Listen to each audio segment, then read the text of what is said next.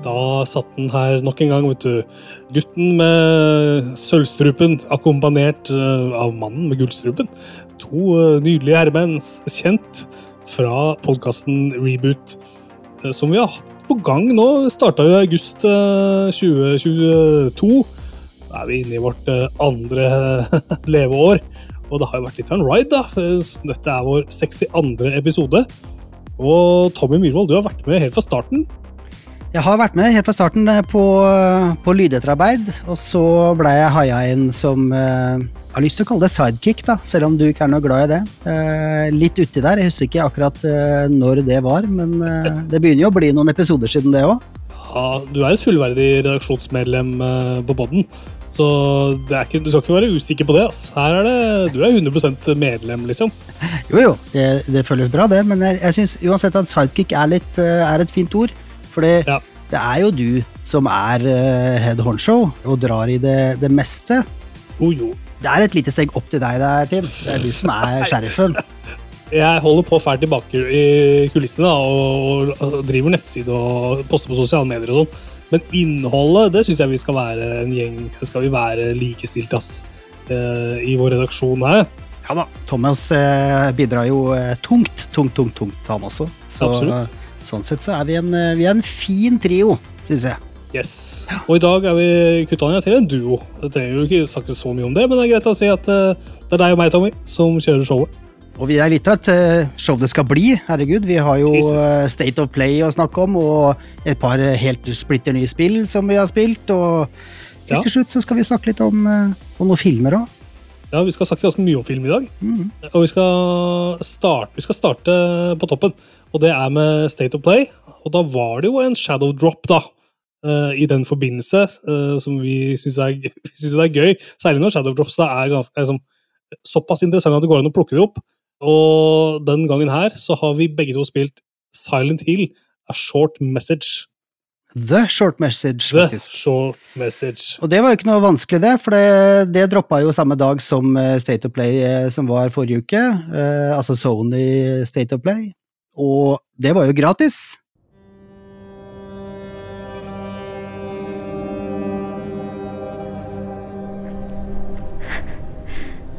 Maybe I can be like her.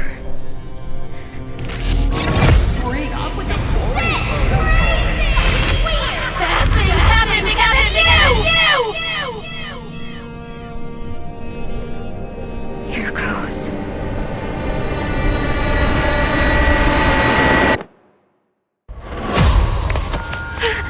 Is this a dream? Who's there? What's with this place? Cherry blossoms bloom within the grasp of death. What are you hiding inside? Maya?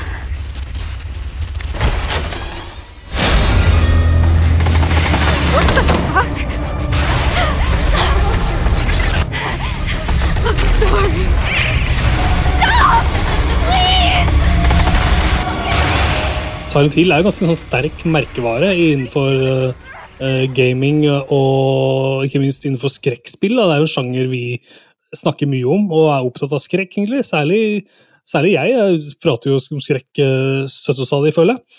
Uh, og så eh, laster vi ned dette her da, og skal spille Silent Hill. Og spørsmålet nå er jo Er The Short Message et bra spill? Er det verdt tida, er jo egentlig spørsmålet. Hva syns du?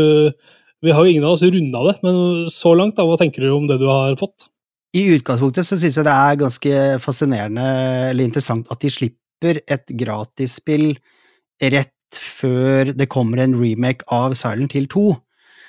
Eh, jeg føler at det henger litt sammen. At dette er en, sånn, hei, en liten sånn teaser til eh, Hei, uh, Silent Hill 2 kommer snart, og da er det kult hvis dere kjøper det. Så her har dere dette gratis i mellomtiden. En veldig sånn rar ting å gjøre. Jeg tror aldri jeg har vært borti I hvert fall ikke som jeg kan huske, at det har skjedd før. At bare sånn Hei, her kommer det et gratisspill. Og det er ikke, det er ikke kjempelangt. Men jeg, har, jeg spilte det i noen gode timer, men kom ikke helt i mål fordi Jeg blei forbanna. Jeg er så forbanna på det spillet. Uh, og jeg, altså, for, å, for, å, bare kommentere da, dette er jo åpenbart markedsføring for Silent Hill-franchisen. Mm. Uh, for det kommer De har planlagt så mye Silent Hill-content uh, gjennom året og det neste året. og har jo allerede starta med en sånn der, slags interaktiv TV-serie hvor man kunne gå inn og stemme på ting som jeg bare har hørt dårlige ting om. For øvrig. Så dette er jo bare Konami som nå melder seg på dataspill igjen. Og de slapp jo også denne Metal Gear Solid-pakka eh, for ikke så altfor lenge siden. Eh, så nå, nå, vil de liksom melde seg på og vise at de er back in the video game, da, for å si det sånn. Eh, og jeg òg ble forbanna av Silent Hill Short Message.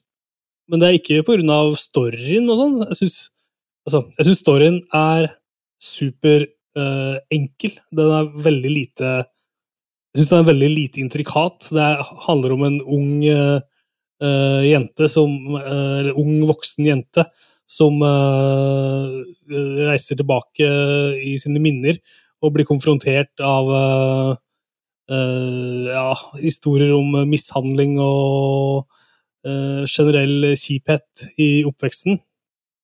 Jeg syns det liksom de bader veldig i de der eh, følelsene der, da. Og de står der veldig lenge uten egentlig at eh, jeg føler at det, det kan liksom ikke forsvares kunstnerisk på et eller annet vis. Jeg syns ikke jeg syns ikke Jeg syns det er litt for spekulativt, måten de viser uh, de alvorlige Hvordan de dramatiserer de alvorlige temaene deres, da. Hmm. Det syns jeg, jeg, ikke er så Det er ikke så veldig elegant gjort, i hvert fall. Etter min smak. Nei, så drar de jo inn dette med sosiale medier og sånt det er sånn vanvittig sånn like-press og sosialt press som unge lever under i dag. Jeg føler i hvert fall at det, det begynner veldig der, og så kommer det der eh, med vold i hjemmet og sånn kommer sånn etter hvert. Ja. Uh, og ja, jeg er litt enig. Det blir kanskje De dueller litt for lenge ved det, og det er for så vidt uh, viktige temaer, altså. Men uh, ja, ja dette spillet gjorde ikke for meg egentlig Og det som gjorde at jeg blei forbanna, som jeg nevnte i stad, var at du ender opp i noen sånne sekvenser hvor du bare må løpe rundt i noe som fremstår som en labyrint, bare sånn helt på måfå, og hvis du løper feil, så dør du. Eh, så, og så begynner du på nytt, og så må du en gang til. Og så dør du hvis du løper feil igjen. Og det sånn Rent gameplay-messig da, så synes jeg det blir rett og slett Det blir for lettvint og for Ja, det, blir, det, blir, det, er, ikke, det er ikke noe gøy, da. Det skal sies at uh, håra reiser seg selvfølgelig i nakken flere ganger i løpet av denne korte, eller relativt korte Saken korte saken. ja. Eh, så sånn sett så er det for så vidt greit, men det er andre skrekkspill jeg vil trekke fram hvis jeg først skal snakke om gode skrekkspill. Dette er ikke et av de for meg. Nei, det føles som en sånn snack, en horror-snack, eh, som har litt å by på, men ikke sånn kjempemasse. De blander sammen eh, virkelighet, altså videoklipp og gameplay-grafikk, og liksom mikser sammen og holder på. Nå, og så syns jeg Altså, den dubbinga av uh, de videoklippa mm. er forferdelig dårlig. Det er liksom helt ute. Uh, det er ikke, leppene er ikke i synk med det som er sagt, i det hele tatt. Uh, så det syns jeg var liksom passe kleint, egentlig. Uh, det var en merkelig ting, fordi de live action-sekvensene de er tydelig dubba, mens de dataanimerte tingene de er laget på engelsk. Ja. For der synker munnen. Så det er sånn veldig rar ting. Men det jeg vil spørre deg om, Tim, mm. har du kommet til den, det stedet hvor du skal åpne en kodelås? Ja, det har jeg. Ja. For der fikk jeg litt støkk, fordi Og da lurer jeg på hvor mye veit de om meg? Fordi eh, den koden var fødselsdagen min. Er det sant? Det, og da Det syns jeg var litt freaky, faktisk. Ja, og det hadde vært kult hvis det hadde vært min fødselsdag i mitt spill. Mm. Fordi det hadde vært litt sånn Kojima-aktig, ikke sant? Og vært litt sånn den arven der. Mm. Men uh, det var ikke, var ikke, det, altså. Nei, det var ikke, det, nei. nei. Okay. Det var en puzzle som jeg måtte se på uh, Jeg måtte se meg rundt i rommet rett og slett og finne den koden. Ja, eh, det, der sleit jeg lenge, faktisk. Jeg syns det var uh, dårlig forklart. Det ble litt sånn prøve og feile, bare. Her, sånn, her er det noe greier, men så må du bare prøve å finne det i riktig rekkefølge. Og for det var ikke tydelig i det hele tatt.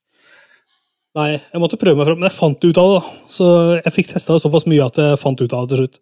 Ja, ja nei, men uh, ja, for å oppsummere, uh, lover det godt for uh, Silent Hill-franchisen, syns du? Det lover godt for fanboysa, i hvert fall. Uh, for det er vel altså, den, ukriti den, ukritiske fanboy tror jeg det lover godt. De som bare vil ha mer Silent Hill. Og, nesten, og liksom tilgir de for en del sånne ja, litt sånn kjipe ting, men uh, ja, hva, hva vi Altså, jeg, jeg, er ikke beroliga på Silent Hill 2 uh, remake. Det har jeg ikke gjort. På ingen måte. Vi får se åssen det blir. Jeg syns det er helt ok Jeg synes det er ok pluss en, uh, en svak terningkast fire. mm.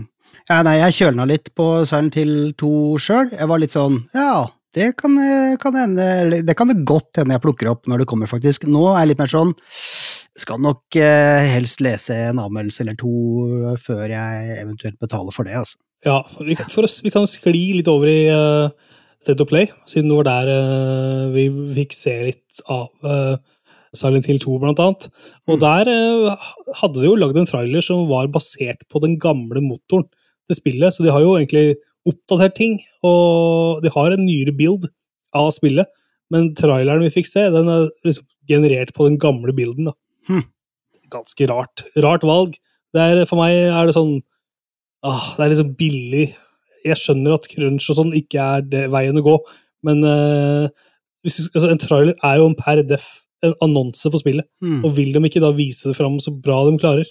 Nei, Det syns jeg også høres ganske merkelig ut. Eh, jeg vet ikke hva mer vi kan si om det, men Nei, Vi får bare vente og se. Det kommer jo etter stigen i år, da. Står så. PlayStation 5 og Windows. Ja. Som er en eh, kombinasjon vi ser oftere og oftere, syns jeg. Yes, helt klart. Mm. Du, videre i State of Play, har du noen ting der som du syns så veldig kule ut? Uh, jeg har egentlig bare lyst til å trekke fram Stellar Blade, som ser ut som et utrolig kult actionspill. Ja. og ja, jeg får veldig sånn, uten at jeg har spilt Bajonetta eller noen av Bajonetta-spillene, for det har jeg alltid tenkt nei, det ser litt dust ut. Av en eller annen grunn så syns jeg dette ser uh, jævlig fett ut, Stellar Blade, men jeg får litt den samme vibben. Jeg tror det er litt samme type spill, hvor du bare er helt sinnssykt uh, drøy på combaten, samtidig som dette har kanskje sånn veldig sånn anime-stil, da ekstremt polert. Det ser jo fryktelig pent ut. Så det er det jeg har lyst til å trekke fram. Bare den ene? Ja, for jeg veit at du har tenkt å trekke fram en del andre ting, og vi trenger ikke å snakke om de to ganger. Nei, det er noe sant.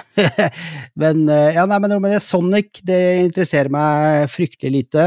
Ja, ja, samme her. Jeg skulle ønske kanskje at eh, jeg hadde tre kompiser som ikke hadde noe annet å gjøre enn å enn å spille spill med meg, for da tror jeg nok sannsynligvis at jeg hadde lasta ned Helldivers 2. Eh, for det også ser ut som en superkul squad shooter. Eller så, ja, Dragons Dogma 2 ser ganske kult ut, det også. Jeg har ikke noe forhold til eneren. Um, og ikke noe, hatt noen forventninger til toeren heller, egentlig. Jeg har lest om den en stund, men det ser kult ut. Jeg veit ikke om jeg er helt der at jeg kommer til å plukke det opp, men eh, jeg vet at alle fansa Det er jo en sånn kult-following på Dragons Dogma, ja, ja. som har venta på Dragons Dogma 2 ganske lenge. Så Men ja. Jeg er jo glad i tredjeperson, og jeg er jo glad i eh, ARPG-er også, så kanskje, ja. kanskje, kanskje. Tror, er, for meg er det litt sånn tilfeldig at det ikke er Dragons Dogma som fikk den rollen som uh, Dark Souls fikk. da. Uh, det, er, det, er, like mye sånne hemmelige mekanikker og sånt som du må utforske i Dragons Dogma, mm. som det er i Souls Likes. Jeg tenker at det sikkert blir bra spill, og så handler det om å finne tida til å spille det. Jeg ser ikke for meg helt at jeg orker å sette i gang med det, nesten. Nei, det blir, eh, det blir sannsynligvis eh, kjempesvært, og jeg har jo fortsatt ikke spilt mer enn noen få timer i Baldur's Gate 3, så jeg har en eh, stack of shame å gå gjennom også. Ja, så, ja, ja. så vi får se. Men det, det er jo Capcom, da, som du, som du i hvert fall er veldig, veldig glad i. Absolutt. Jeg har veldig trua på dem, men jeg vet ikke om jeg har tid til det. det er Nei, problemet. det er det, da. Det er det. Hva med deg sjøl, da? Nei, eh, Kojima han eh, viste fram to spill han, på State of Play denne gangen her. Og det første spillet heter Death Stranding 2. Oppfølgeren til eneren, naturligvis. On the Beach er eh, undertittel. Og det er jo mer av galskapen til Kojima, da, hvor man ser ideer og konsepter som mikses sammen. Vi ser mer av den svarte gørra fra det første spillet. Vi får også se litt sånn nærbilder av sånne blekksprutaktige sugekopper eh, på Sam Bridges, og det får meg til å lure på da, om den der svarte gørra kanskje er blekksprutblekk på et eller annet vis. Altså at det er en, en connection der, ikke sant? Det vet vi ikke. Mm. det kommer, vi får se litt av den rare babyen, og vi får se mer av Sam Bridges og Fragile. Og så er det en sånn helt sinnssyk sånn slåssesekvens med en fyr som har en elgitar som er våpenet, hvor han liksom skyter rockemusikk og elektrisitet ut av gitaren sin for å slåss mot et uh, monster. Og det er jo helt Kojima madness, ikke sant? Ja, det, men det er vel en rolle fra eneren også, som har eh, gått gjennom en eller annen metamorfose. Jeg mener at jeg kjente igjen stemmen til Troy Baker på, på han uh, gitarduden. Ja. Eh, men er det litt sånn at uh, Kojima er litt mindre involvert i denne enn han var i eneren, eller? Jeg fikk litt inntrykk av det. Jeg syns det var så veldig mange navn uh, det sto skrevet et eller annet sted der, at jeg tenker at han har, har tatt litt backseat på denne. Ja, det har sikkert uh, har sikkert sendt mye av ansvaret videre. Når han nå har to spill på gang, og sånn, så klarer han jo ikke å involvere seg like mye begge steder. Så han er nok mer en sånn overseer-dude, tenker jeg, som Ja. eh, sitter og godkjenner ting og ikke. Jeg husker i hvert fall at jeg tenkte det eh, da jeg så den eh, ganske lange traileren, og ja, jeg vet ikke, jeg spilte eneren, og det var, var en sånn kuriositet, syns jeg, Death Stranding 1. Ja, helt enig. Den hadde jo absolutt kule ting, men mest av alt så var det bare sånn Kojima gjør noe helt nytt eh, greier, og det er helt ok, men han er jo helt spinnvill, og jeg er usikker på om jeg kommer til å gidde å kjøpe Death Stranding 2, ass. det må jeg si. Jeg kommer nok til å spille det. Bare fordi jeg må. Jeg føler jeg må. Eh, Det er jo ikke så utrolig morsomme spill, men det er jo historier som blander sammen en del sånne eh, konsepter, da. Mm. Så, altså, han er jo en mester på liksom tvetydighet og symbolikk. Å bruke det. Å bruke symbolikken som en kommentar til uh, et eller annet som skjer i, i spillet, eller historikken i, spillet, historien i spillet, eller et eller annet sånt noe. Så jeg er bare nysgjerrig på hvordan han klarer det. Death Stranding 2 blåste meg av banen på det området. Det var så mye sånn dobbeltbetydninger og sånn. Hmm.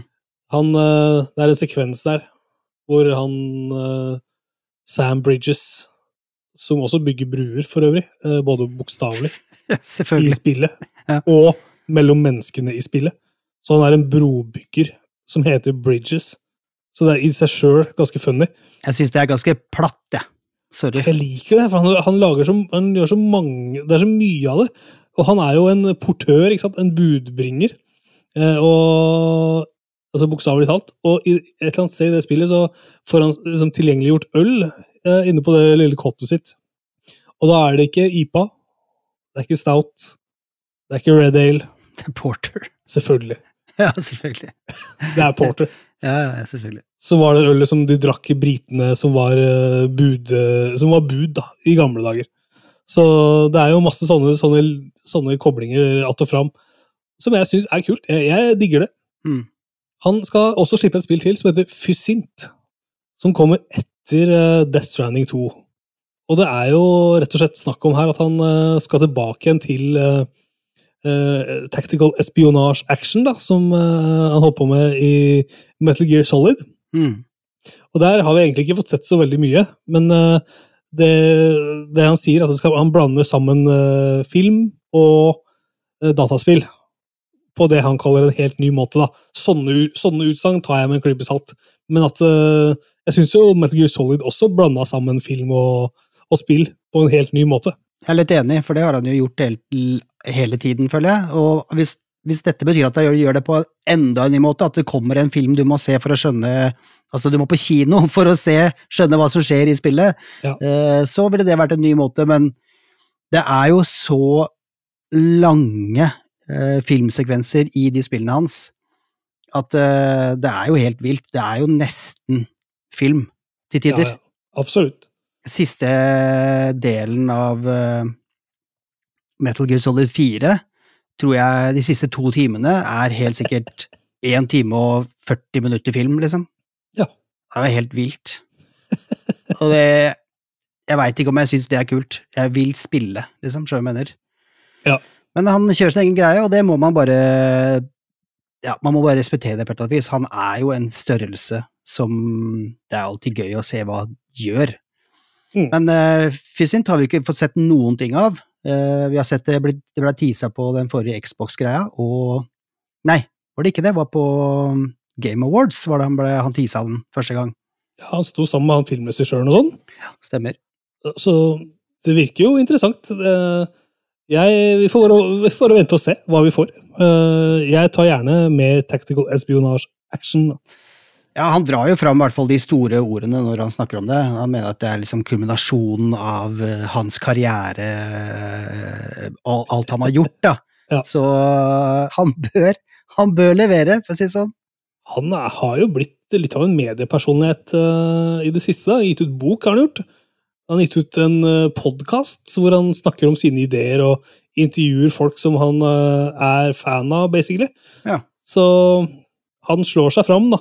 Men det jeg liker med studioet hans, som er liksom Kojima Productions, er at de klarer å ha flere uh, ting på, på gang samtidig. Sånn at ikke du kvitter deg med en ti, altså ni, ni tiendedeler av de ansatte eh, på slutten av et prosjekt. Mm. Men du kan, du kan allokere ressursene litt fram og tilbake da, mellom ulike prosjekter. Så det syns jeg er bra. Og i Japan, for øvrig, så er det Det, det har jo vært veldig mange sånne layoffs uh, i spillbransjen. Men i Japan så kan du ikke kvitte deg med ansatte. Eh, hvis du har et, eh, et selskap som er, har god finansiering, og som selger bra, og som gjør det bra, så er det forbudt å si opp ansatte. Så det er derfor vi ikke får de der layoffs da, fra Nintendo, for eksempel. Mm. Og det siste spillet jeg satte eh, pris på å se mer av i denne State of Play-en, det var jo var rett og slett bare Until Dawn remastered. Og det er ikke så mye å si om det. Jeg bare tenker at ja, kult. Jeg vil gjerne spille det en gang til i uh, ny, dritbra grafikk.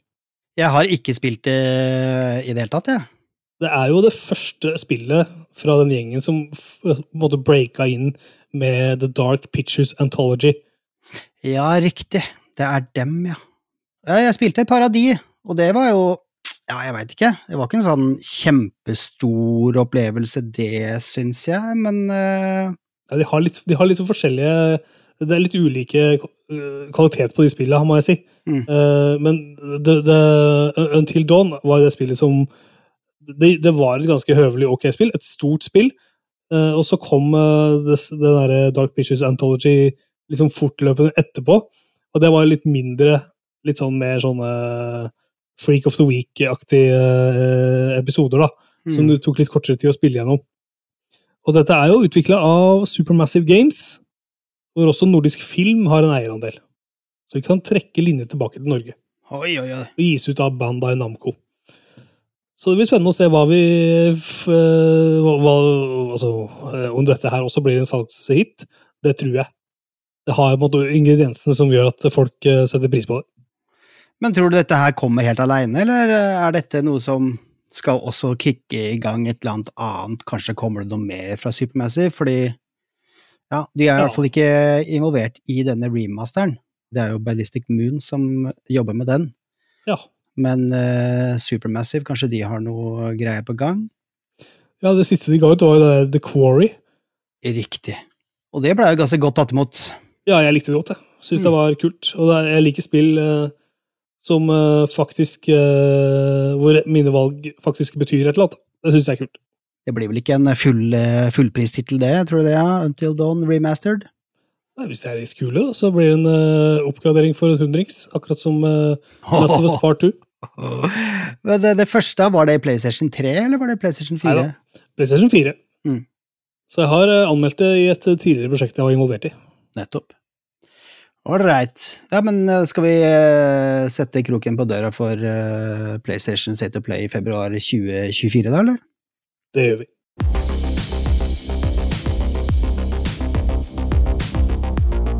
Hei du, det er Tim her fra Reboot. Eh, kjapt innpå, midt i episoden, at vi sier tusen takk eh, til alle som eh, laster ned, og du som hører på nå spesielt. Og vi prøver jo da å ha noen kvalifiserte meninger hver uke, og ber jo ikke om noe tilbake, sånn sett. Det eneste vi har bruk for, og som vi ber om, er litt drahjelp, og det er jo da i form av en stjernerating på Spotify, eller en anmeldelse på Apple Podcasts. Det er veldig hjelpsomt rett og slett, når du øh, gjør det, for det gir oss litt, bedre synlighet og litt flere lyttere, og da er det litt lettere for oss å komme i kontakt med utviklere og utgivere og øh, folk som driver med film og i det hele tatt være i miljøet. Det gjør livet vårt litt enklere. Så tusen takk til alle som hører på. Eh, Det setter vi veldig stor pris på. Og med det så tror jeg vi fortsetter ukas episode av podkasten.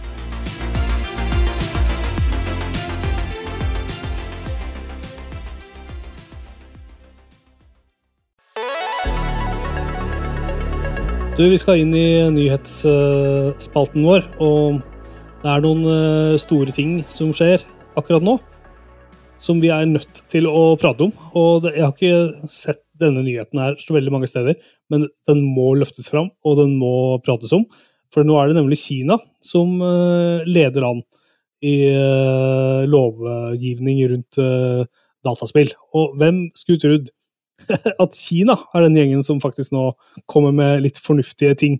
Kina har jo holdt på med litt sånn begrensninger i spill for lengst, for flere år siden. Så begynte de å sette sånn derre Hvis du er så og så gammel, så kan du ikke spille så og så uh, Du har en begrensning på antall timer du kan bruke per dag i dataspill osv.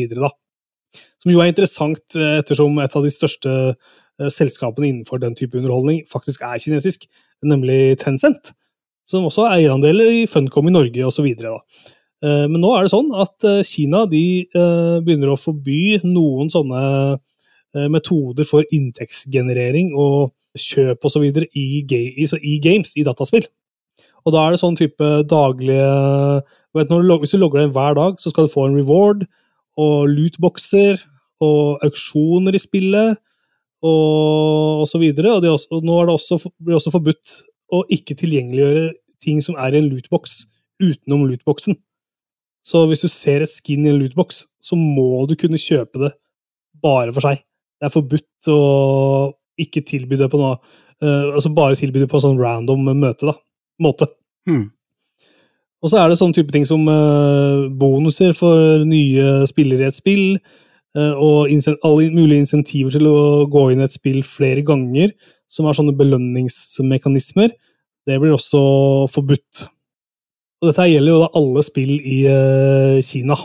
En annen ting de også snakker om, er jo at alle spill som skal spilles i Kina, må ha servere i Kina. Ja. Det også er jo ganske fett. Det blir ikke billig å være utvikler da, og skal inn på det kinesiske markedet. Nei, tydelig. Men eh, nei, veit ikke. Hva, hva tenker du? Jeg tenker at det er helt strålende. Det, det burde vært eh, noe EU også innfører, alt dette her. Sånne typer rewards og sånne, den der type betaler for lootboxer og skins og sånne random Alt som er random uh, uh, random kjøp i spill, det burde vært eh, forbudt for lengst. Det er gambling, da, basically. For du bruker ekte penger på det. Hmm. Ja, nei, det, jeg syns jo det er merkelig at uh, Eller det er i hvert fall fascinerende at vi må se til Kina, som er et totalitært regime, til å Ja. liksom endelig klare å riste litt i spillindustrien og få bukt med dette greiene her. Fordi det er jo ingen voksne mennesker som veit hva ting går i, som ikke syns at dette her er helt idiotisk. Ikke sant? det er jo i stor grad liksom barn som blir uh, offer for dette her. Og regelrett liksom De jakter på at barn skal bruke penger i spill, liksom. Absolutt. Det er kynisk som bare det. Um, Det er akkurat som eh, myndighetene våre her i Norge. De forstår ikke helt eh, denne problemstillinga. De klarer ikke ta det inn over seg hva det egentlig dreier seg om. Og da syns jeg det er kult at Kina har faktisk klart å, å gjennomskue det. Og de er jo langt foran eh, resten av verden på dette området her. Ja, tydelig. EU har vel snakket litt om det, de også. Ja, vi må se til EU nå, da, og se hva de kommer med. De gjør jo masse fornuftige ting nå med, med forbrukerelektronikk og teknologi, Mm. som er veldig befolkningsvennlig, da. At du skal ha samme laderen på alle mobilene dine, blir jo et krav, ikke sant. At uh, iPhoner skal ha USB-C, ikke noe proprietære ladere. Ja, det var gjennomført. Ja, så det er jo i gang, og så holder de på å jobbe med masse personvernting, og begynner å regulere kunstig intelligens da, på toppen av det hele. Vi får følge med, som vi sier. Vi følger med. Vi skal også følge med neste uke, fordi da er det nemlig sånn at Phil Spencer han sier at Xbox kommer til å ha et eh, arrangement neste uke, hvor eh, de skal dele litt om sin visjon da, for fremtiden. Det har vært ganske mye rykter og spekuleringer og interessante nyheter nå som har kommet rundt dette her, i kjølvannet dette her sånn. Hvis vi kan starte med ryktene, da, så har det jo vært eh, snakk om at neste generasjon Xbox skal være en konsoll, en vanlig konsoll ved TV-en. Og det skal også være en håndholdt dings som ligner litt på en Switch. Så, har, så de eh, prøver å jobbe seg inn på det markedet. Og hvis det er sant, så skjønner jeg ingenting. Jeg syns det er dritmerkelig. Fordi hvorfor vil eh, Xbox gå den veien? De, de burde satse pengene sine på cloud gaming i stedet. Eller, eller hva tenker du, Tommy? Eh, Er det, noe, er, ikke, er det ikke streaming som er Microsoft sin store ting, da? Ja, jeg veit ikke. Eh, vanskelig å si. Ut ifra alt det som har blitt lekket nå de siste Ja, la oss skal vi si det Når var det den første svære lekkasjen kom? Er det et halvt år siden nå? Eh, hvor det var snakk om liksom neste generasjons eh, Xboxer og litt sånn. Og så var det en ny lik nå for bare noen dager siden. Eh, hvor det var snakk om at uh, Nei, nå Det blir nok mest sannsynlig ikke alle spillene eksklusive på Xbox allikevel. De har jo selvfølgelig satsa hardt på den streaminga, da, men uh, jeg vet ikke, jeg sitter liksom med inntrykk av at det er GamePass som er hovedfokuset liksom, til uh, Xbox, ja. eller Microsoft. Liksom som jeg har snakka om før, er bare sånn, det er ikke så farlig for oss hvor du spiller spillene, bare du har GamePass. Jeg tenker om to år så burde de ha jobba De burde ha jobba i en avtale med alle TV-produsentene om at de skulle ha en GamePass-app inni TV-en. Mm. Sånn at du kan bare ta Xbox-kontrolleren din og pare den med TV-en din, og starte opp den appen. Og så kan du streame det spillet du vil ha fra en server som Microsoft eier. Det hadde vært min, det hadde vært min strategi for de neste to åra. Men kanskje internett er for dårlig i resten av verden? Jeg vet ikke, det kan godt hende det. I USA er det kjempedårlig. Det er ikke bare for dårlig i resten av verden, det er jo for dårlig i Norge òg. Er altså. Altså, du, du får jo ikke 4K eh, på noe og lag som er verdt å drive med, liksom. Ennå. Nei, du har rett i det. Så Altså. to år syns jeg høres litt sånn kort ut på akkurat det, men eh, at det kan være strategi på lang sikt, ja, selvfølgelig, det høres jo dritfett ut, det. Selv om eh, jeg er jo bare mer og mer glad i Xboxen min, da. Eh, jeg Ja. vil si det. Jeg liker den bedre og bedre. Jeg har jo lenge vært en eh, Sony-boy, men eh, Nei, jeg liker den eh, boksen. Men klart, GamePass er jo en viktig del av det. Ja. Fordi det er en såpass uh, sinnssykt fet deal. Nei, så jeg veit ikke hva vi Men vi får høre hva Mr. Spencer sier eh, om noen dager. Én ting er fall helt sikkert, han har jo blitt liksom pressa til å annonsere at de skal ha en sånn event. På grunn av disse, eller spesielt kanskje den siste lekkasjen her, da. Ja, som er at spillene til Microsoft kommer på andre konsoller. Ja, det var snakk om spesielt Starfield og Indiana Jones, da. Mm. Uh, samtidig så har jo Phil Spencer tidligere sagt at uh, han ikke tror at uh, konsolleksklusivitet er veien å gå. Nei. Og de har jo prøvd å få GamePass på Switch og PlayStation allerede. Jeg, jeg elsker det, for øvrig, og jeg syns det er rart at de uh, har sagt nei.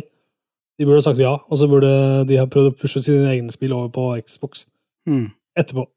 Ja, nei, det er vanskelig å, å skjønne hvordan eh, disse toppene tenker, men uh... Det er i hvert fall vidt forskjellige strategier. Eh, Microsoft prøver seg på en litt sånn åpen tilnærming.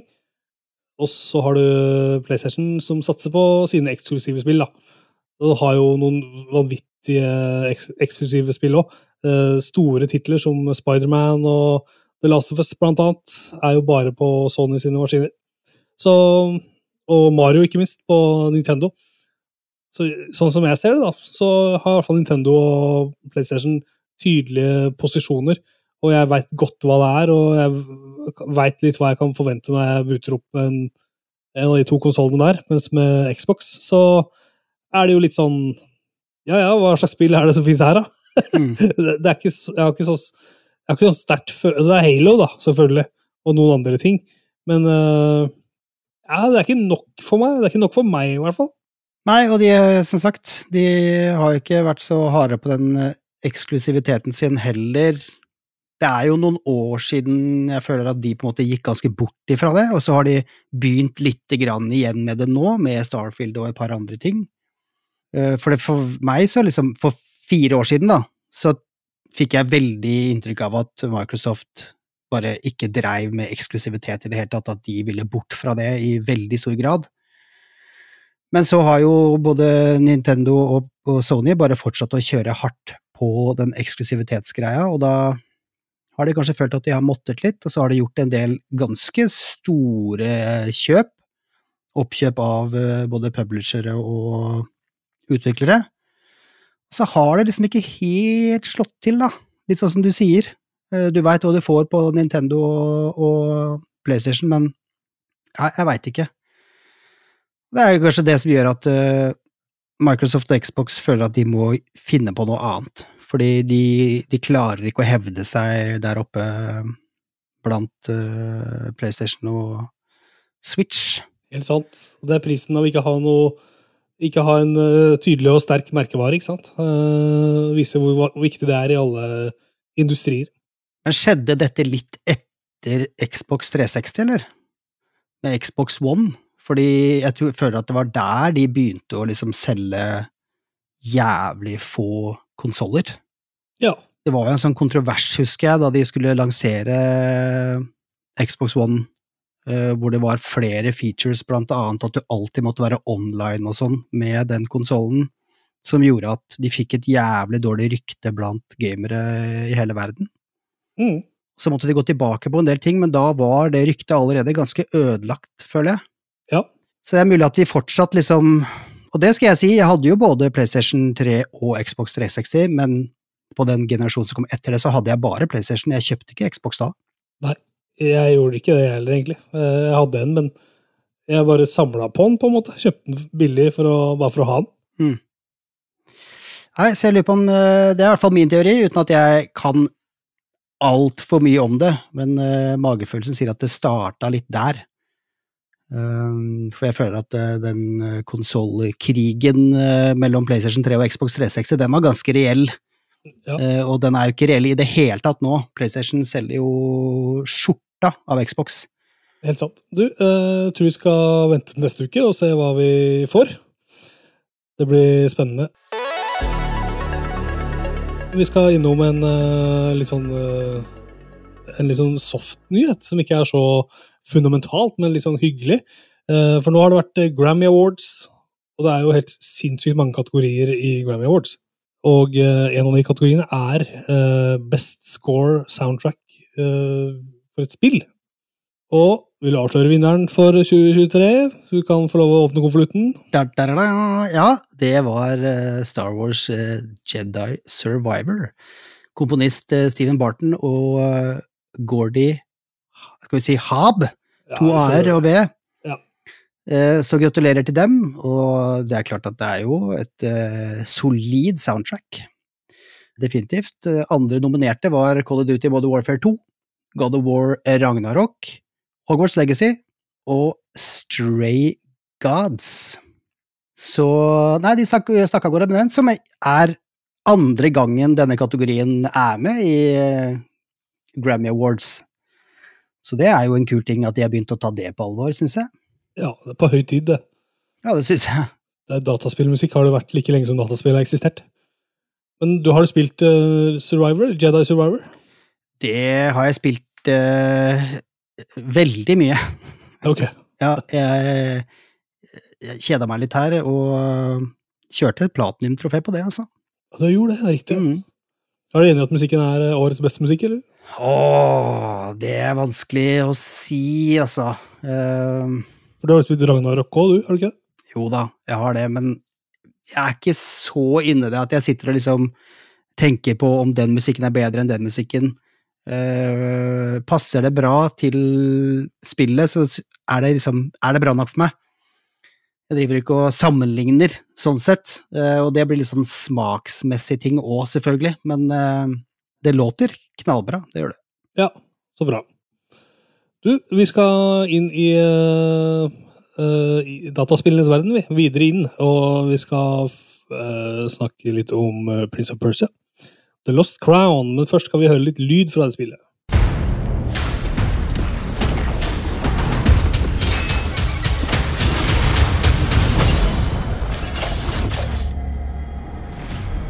Our kingdom is cursed. The prince has been kidnapped and taken to a forbidden land. All hope rests with us, the immortals, to rescue him and save the empire. But we weren't prepared for what was coming next. Warriors victorious, I'ma be the last hope, so I can't say no. Then again, they weren't prepared for me.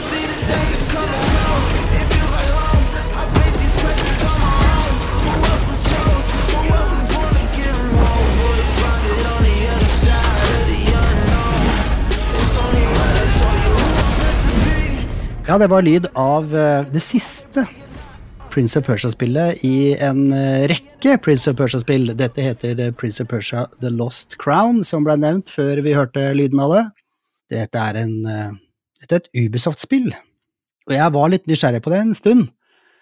Og så kom det, og så hadde jeg litt andre spill å spille, for dette launcha vel fort ja, 18. januar, tror jeg det var. Og det koster vel 500 spenn eller noe sånt, tror jeg. For, eh, så det er ikke et fullprisspill. Mm. Så det jeg gjorde, var at jeg begynte å sjekke litt hvor er det billigst. Fordi at det jeg for lengst har funnet ut, er at eh, spillene koster ikke det samme overalt. Og det jeg til slutt gjorde Vi har jo snakka litt om Ubisoft pluss eh, på denne podkasten før, Tim, og jeg mener at eh, vi har dissa det litt. Fordi at eh, det er en ganske dyr, dyr abonnementstjeneste. Ja, det er mye penger, da. Er det ikke 180 eller noe sånt? Jo, jeg tror det er eh, 179 kroner i måneden, så den koster ganske mye mer enn GamePass, og det er bare Ubisoft-titler. Så det er ikke en knalldeal i utgangspunktet, men det jeg fant ut, var at jeg har ikke spilt det nye Prince of Persia-spillet, jeg har ikke spilt Avatar, og jeg har heller ikke spilt det siste Assassin's Creed-spillet. Så la oss si jeg bruker et par-tre måneder på det, da. Så vil det uansett lønne seg, fordi alle de tre nyeste spillene fra Ubisoft ligger der. I tillegg til en helt sinnssyk eh, katalog med Ubisoft-spill, selvfølgelig, fordi Ubisoft har jo laget spill i mange år, de, og det er masse bra der, men jeg har jo i utgangspunktet spilt alle spillene fra Ubisoft som jeg har lyst til å spille. Det er litt morsomt du skulle si dette her på den måten, fordi det, det var jo sånn man tenkte da Netflix kom. Eh, at ja, ok, kult, jeg har tilgang til uh, tusenvis av filmer, da. Mye, mye billigere for meg å leie, disse, leie denne tjenesten enn å kjøpe alle disse filmene. Mm. Så da var det jo veldig sånn Selvfølgelig skal jeg abonnere på Netflix. Ja. Selvfølgelig skal jeg abonnere på Spotify, men jeg kjøper jo så mye CD-er. Da kan jeg leie musikken min eh, for 100 kroner i måneden. Selvfølgelig gjør jeg det, og, og da, men så glemmer man det litt, da. Og så blir 179 kroner i måneden ganske mye, da. For det kommer jo på toppen av alt det andre du abonnerer på, ikke sant? Det blir jo mye penger til slutt. Det gjør det, men uh, her skal de, de skal komme med ganske mye nytt uh, ganske kjapt for at jeg skal eh, fortsette med denne tjenesten etter at jeg har spilt de tre spillene jeg akkurat nevnte. Ja. Det er ikke sånn at jeg er kjempeinteressert uh, i Avatar heller, men jeg er nysgjerrig på det. Ja. og Thomas anmeldte jo Assassin's Creed Mirage her for et par uker siden og mente at det var et helt decent Assassin's Creed-spill. så jeg kommer nok til å teste ut det også. Men tilbake til Prince of Persia. Det er jo en uh, eldgammel eh, franchise som har vært på veldig mange forskjellige hender opp igjennom. Men Ubisoft har vært med en god stund. Det første Prince of Persia kom i 1989. Og da var du hvor gammel? Da var jeg 13. Og jeg var 9. Ikke sant? Så jeg har ikke spilt det gode gamle. Det første Prince of Persia-spillet jeg spilte, det var det som kom i 2008. Som bare het Prince of Persia. Eh, det var et eh, tredjepersonsspill. Prince of Persia starta jo som en 2D-plattformer-ish, og det er det tilbake her nå, eh, med The Lost Crown, og det er nok sannsynligvis kanskje derfor at de velger å ikke kjøre fullpris på det, fordi det er rett og slett Ja, det er 2D, men det er jo en Metroidvania, og det veit jeg ikke om det alltid har vært, men det tipper jeg kanskje at det har vært. Det har vært det. Mm. Det har vært det òg, men det har vært andre ting i tillegg. Ikke sant. Jeg, jeg som sagt, jeg var nysgjerrig på det, og jeg er fryktelig glad for at jeg valgte å laste ned det og teste det eh, på Xboxen. Eh, for det må jeg jo også bare skyte inn her, at Ubisoft Pluss er jo kun på PC og Xbox. Du får ikke Ubisoft Pluss på PlayStation. Som er litt sånn uh, Og heller ikke Nintendo Switch. Det er ganske døvt, egentlig. Men vi skal huske på det, da. At uh, den der Blizzard Activision-dealen som Microsoft kjørte, den var jo avhengig av at uh, Ubisoft skulle få enerett på streaming, da. Mm. Det er noe, bis det er noe samarbeider her, ikke sant? Uh, det er ikke tilfeldig, det. Nei da, det er ikke det. Men Prince of Persia The Lost Crown er også tilgjengelig på både Nintendo Switch og PlayStation. PlayStation 4 og 5, faktisk. Mm. Men ja, på Ubisoft Pluss er det kun på boks som jeg har det, for jeg har ikke PC. Skal vi si, Ubisoft Montpellier er det som har uh, laget uh, dette spillet. De er jo kjent for uh, Beyond Good and Evil, blant annet. Og litt sånn Rayman-ting og, og greier. Men jeg vil bare si at jeg har jo blitt veldig glad i 2D Metroidvania-spill de siste åra. Det starta, eller det pika kanskje litt med Hollow Night, og så fulgte jeg opp med begge Ori-spillene, og dette er et spill som er bøyd over helt samme lest, og det er kanskje akkurat like bra. Ja, wow. Det der sier litt, da. Det er gode spill du nevner der. Ja, definitivt. Jeg har kanskje en Altså, estetikken og sånn er jo helt annerledes, da, og, så jeg vil nok kanskje holde en knapp på de to andre titlene jeg nevnte, men The Lost Crown er et knallbra spill, altså. Jeg har det kjempegøy med det, og det er engasjerende og dritbra plattforming. Så kan man snakke litt om eh, kanskje musikken spesielt i, i traileren. Det er ikke så mye hiphop i spillet, det er, apropos bra musikk og sånn, så er det, det er kjempekul musikk uh, i dette spillet her. Ja. Og ja Og det er mye større enn jeg trodde det skulle være. Jeg tenkte at dette er en litt sånn kort, uh, contained greie for 500 spenn, men uh, det er noen gode timer, altså.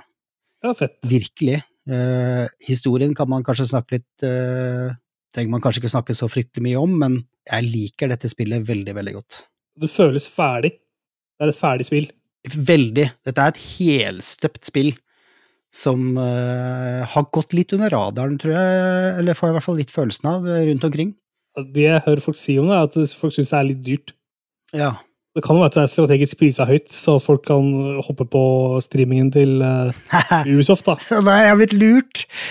Og, ja. Nei, det er ikke lureri nødvendigvis, det bare er en metode de har brukt, da. Kanskje. Ja, nei, men jeg syns ikke 500 spenn for dette er dyrt. Nei, ok. Uh, det syns jeg ikke. Som sagt, klart, det er, altså det er ikke 120 timer. Det er det virkelig ikke. Så deilig. Men uh, det er sikkert uh, 20-25 timer, liksom. For meg er det perfekt. Det er ikke, jeg liker at det er få timer. Ja, jo, for, altså få få timer. Uh, man kan godt kalle det få timer. Men du kan jo løpe rundt og finne alle hemmeligheter og alle collectibles og sånn også. Ja. Uh, Du får litt mer hjelp her da, enn du gjør i uh, for eksempel Hollow Knight, som er helt umulig å skjønne hva, hva som foregår i. Her er det jo en tydelig historie, liksom. Men ja, nei, hvis du er glad i eh, Metrovania-spill, så er dette en helt klar anbefaling fra min side, altså. Så kult. Da skal vi gå videre til eh, en film som er eh, mitt eh, punkt her i dag. Vi snakka litt om Death Stranding On The Beach. Death Stranding 2 On The Beach, som er det spillets fulle tittel. Den tittelen, On The Beach, den er tatt fra en film som ble sluppet i 1959. Og det har han, Hideo Kojima uttalt at det er hans eh, favorittfilm nummer én av alle filmer. Og vi har jo snakka i dag om eh, hvordan han eh, er en filmelsker, og hvordan spillet hans sklir over i å være film. Og når han sier da at On the Beach er favorittfilmen hans, og spillet heter On the Beach, så har jeg tatt meg jobben og faktisk se den filmen. Og løfter den fram i lyset. For det er ikke en dårlig film i det hele tatt. Jeg har vært litt sånn skeptisk av og til til eh, On the Beach. Nei, unnskyld, til Kojimas eh, filmsmak tidligere. Men eh, On the Beach, den har noe for seg. Det er tilgjengelig på Apple TV, så den kan leies og kjøpes der, blant annet. Det er et postapokalyptisk drama, en science fiction-film, regissert av Stanley Kramer, basert på en bok fra 1957 med samme navn. Filmen, den boka er skrevet av Neville Shoot. Og det det handler om, er rett og slett konsekvensene av en global kjernefysisk krig, og den følger historien til de siste overlevende menneskene i Australia, som venter på en uunngåelig spredning av dødelig radioaktivt nedfall fra den nordlige halvkule. Så her er det noen eh, klassiske navn som vi skal nevne, som, spiller, som har hovedrollene. Det er Gregory Peck, som er mister hovedpersonen Hovedperson himself. Og så er det Ava Gardner, Fred Astaire og Anthony Perkins, som eh, også spiller i spillet. Dette her er da en eh, ubåtkaptein som spilles av eh, Gregory Peck.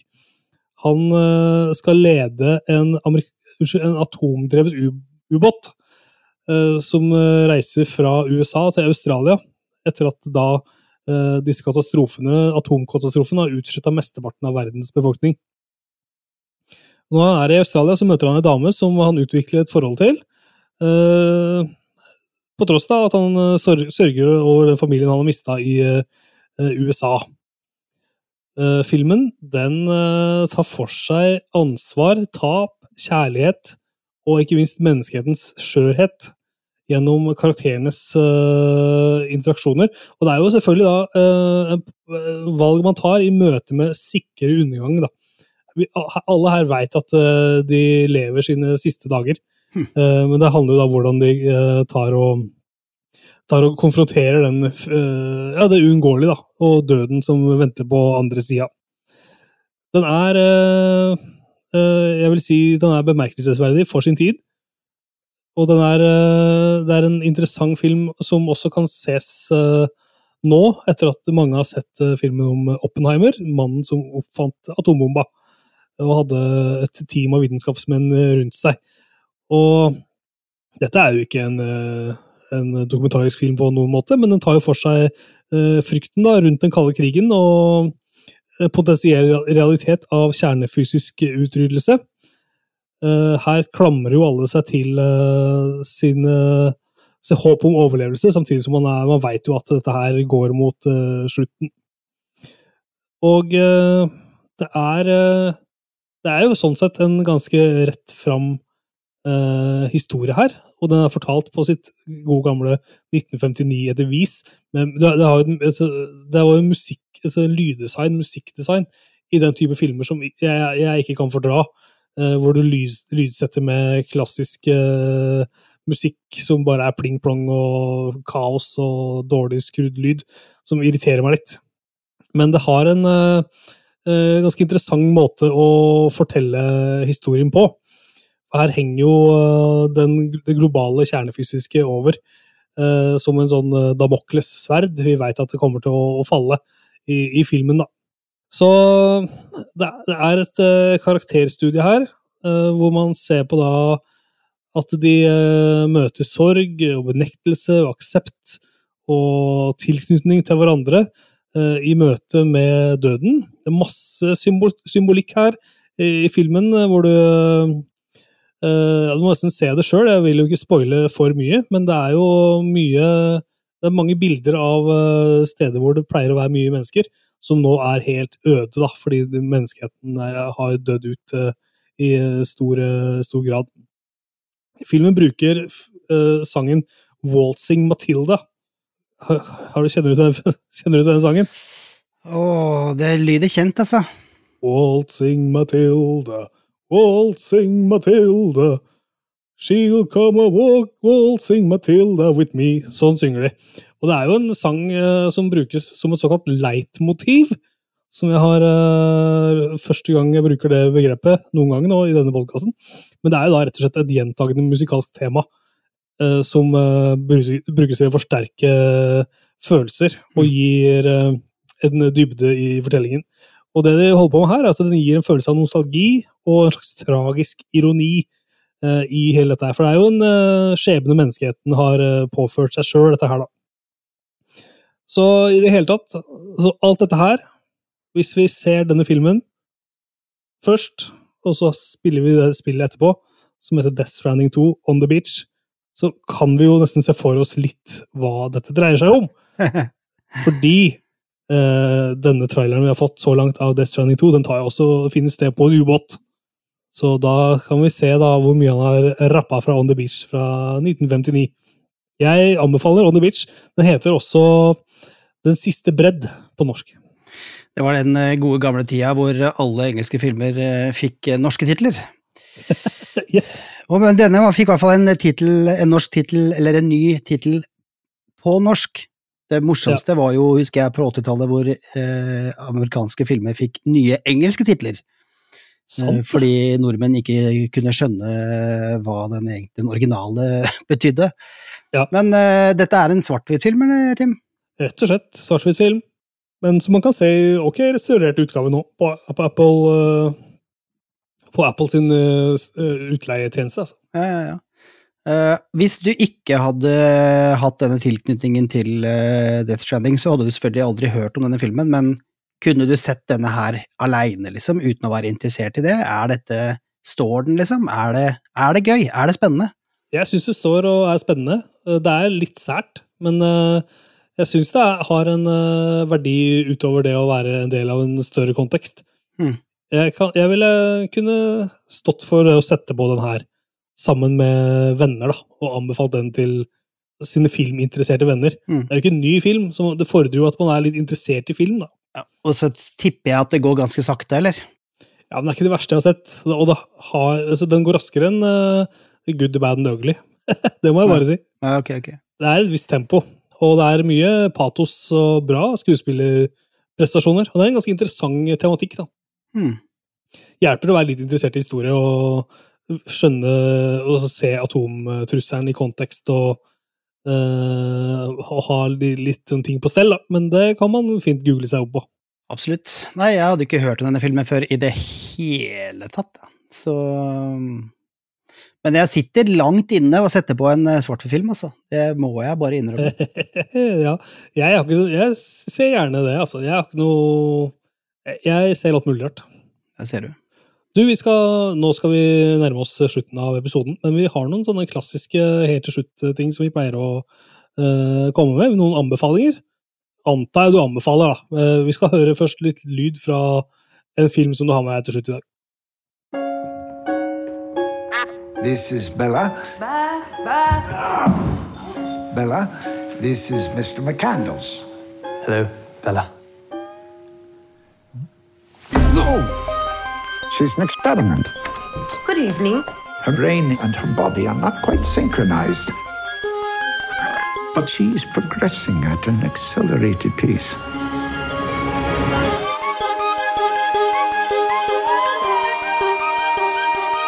Tell me, where did she come from? I shall. For it is a happy tale. I am Bella Baxter, and there is a world to enjoy, circumnavigate. It is the goal of all to progress grow. A woman plotting her course to freedom. How delightful. Ja, det var uh, traileren til uh, Poor Things, som uh, jeg var på kino og så i går, faktisk. Dette har jo vært en uh, snakkis en, en liten stund nå, og jeg ante ikke hva jeg gikk til. Det eneste jeg visste, var at det var Emma Stone og Mark Ruffalo og Willem Dafoe i de tre største rollene, og blei helt tatt på senga. Ja. Vet du noe om denne filmen, Tim? Ja, jeg veit bitte litt. Og jeg veit at den er Oscar-nominert i hu og ræva. Ja, ikke sant. For det tror jeg kanskje også jeg fikk, har fått med meg litt sånn i periferien. Eh, men ja, jeg visste ikke det, Dette er den, denne, denne filmen her er så rar. Eh, tematikken er eh, lett å forstå. Jeg vil si at den handler om kvinnelig frigjøring. I form av da Emma Stones rollefigur. Den er også en del i svart-hvitt, faktisk. Apropos det forrige vi snakka om. Og så er det veldig mye fisheye-filming. Og rare kamera, kameragreier. Jeg vil nesten gå så langt som å si at denne her Det er nesten en kunstfilm, liksom. Ja, den er, den er så merkelig. Utrolig spesiell scenografi og Men man må jo bare like det. Litt sånn som eh, Hideo Kojima det, som, det er weird, men man har ikke sett det før, og det må man liksom sette pris på. Uh, definitivt. Så, men ja, jeg visste som sagt ingenting om den, og det var noe helt annet enn noe annet eh, jeg har sett før. Så vær i hvert fall forberedt på det, hvis du skal på kino og se denne filmen. Den har jo gått på kino en stund nå, og det var ikke veldig mye folk i salen, altså. Jeg tipper vi kanskje var 15-20 stykker der, jeg. Men eh, ja, vit hva du går til, i hvert fall hvis du skal se den. Eh, men jeg tror at hvis du Hadde jeg visst det, så hadde jeg nok kanskje kost meg enda litt mer, for jeg blei ble satt bare sånn og måpa i store deler av filmen. Ja. Eh, jeg vil si at Kult, da. Ja, men også, og jeg tror jeg kanskje aldri har sett Willem Defoe så bra som han er nå. Det er han uh, I'm quite a scientist myself. Er det, er det han? Han er en scientist, ja. Men, men det er den memen. Ah, Nei, den har, jeg ikke, den har jeg ikke sett. Nei, ok, greit. Jeg tror, jeg tror, tror det er han. Ja, det kan godt hende. Men eh, ja, han har, altså, Willem Defoe er jo en uh, superkjent uh, skuespiller, men jeg har liksom Ja, jeg veit ikke. Det, er no, det har alltid vært noe med William Defoe som er bare sånn Ja, han er ganske god til å spille uh, slem og drittsekk. Og det er ikke det at han er så snill her, men jeg bare føler at her Han treffer veldig bra med den uh, rolletolkningen her.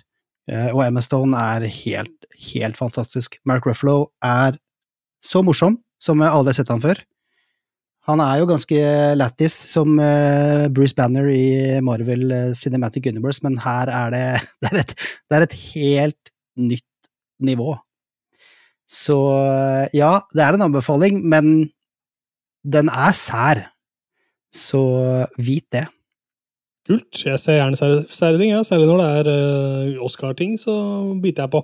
Mm. Du, jeg har en siste film jeg skal snakke om i dag, og den er uh, helt til slutt, altså. Jeg skal gjøre det kort. Og Den heter Infinity Pool, og den ligger på Sky Showtime.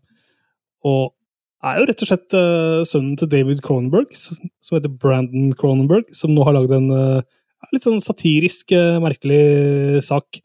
En skrekkfilm, dette her òg. Som rett og slett er, er så Så det har mange pussige ting med seg. Eh, Det, det finnes det på et Den tar plass på et sted som ikke fins i virkeligheten. Så de snakker litt sånn merkelig, rart språk. Uh, rett og slett en gjeng som har reist på et uh, spahotell på denne ukjente plassen, hvor uh, de havner i en eh, ulykke. Og de er så uheldige at de dreper en fyr som eh, er ute mens de eh, kjører bil.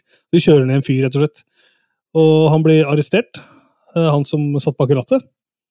Og da er greia det at enten så dreper vi deg, eller så kan vi klone deg. Og da dreper vi, skal, og da dreper vi klonen din, liksom. Men noen må dø. Men vi dreper klonen din hvis ikke du vil dø sjøl. Så det er eh, premisset her. Og så er det veldig mye sånne marerittaktige sekvenser. eh, Hvem er det som er den ekte her, og hvem er det som ikke er den ekte? Eh, Flippe frem og tilbake. Litt sånn skildringer med kontrasten mellom fattig og rik.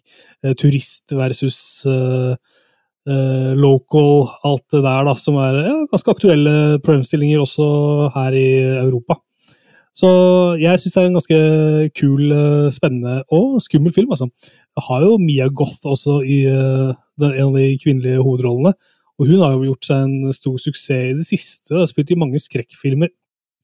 Så jeg gjør det kort og enkelt og sier ta og sjekk ut uh, Infinity Pool hvis du har lyst til å se en litt sånn ja, surrealistisk, rar, kul uh, skrekkfilm på uh, Sky Showtime. Easy-peasy. Mye surrealisme og rare ting eh, i denne sendinga, syns jeg. Ja, jeg syns òg det. Og det er bra, for jeg liker litt mindfuck og pussige ting som jeg må, ikke skjønner. Som jeg kanskje må tenke godt om før jeg forstår. Ja, ja. Du, Det har vært en fornøyelse her i dag å lage reboot-podkast. Fy søren, jeg må drikke litt vann her før eh, halsen tørker opp. ja, da, vi kom i mål i dag òg, vi, Tim. Ja, vi gjorde det. altså. Det er jo strålende. Eh, Vi setter pris på alle som hører på og laster ned podkasten og deler linken med sine venner. Ja, det gjør vi. Definitivt. Så med det så tror jeg vi sier takk for i dag, og så høres vi igjen neste uke. Ha det. Ha det! Tusen takk for at du har hørt på denne episoden. Det betyr mye for oss. Podkasten produseres av Tommy Myhrvold, Thomas Marinovski og meg sjøl, Tim Audenstad. Lyden er mastra av podmaster.no. Vi slipper en ny episode hver fredag, med mindre det er helt spesielle tilstander på gang. Hør alle episoder og kom i kontakt med oss på rebootpodkast.no. Du finner oss også på Instagram ved å søke på Reboot Podcast.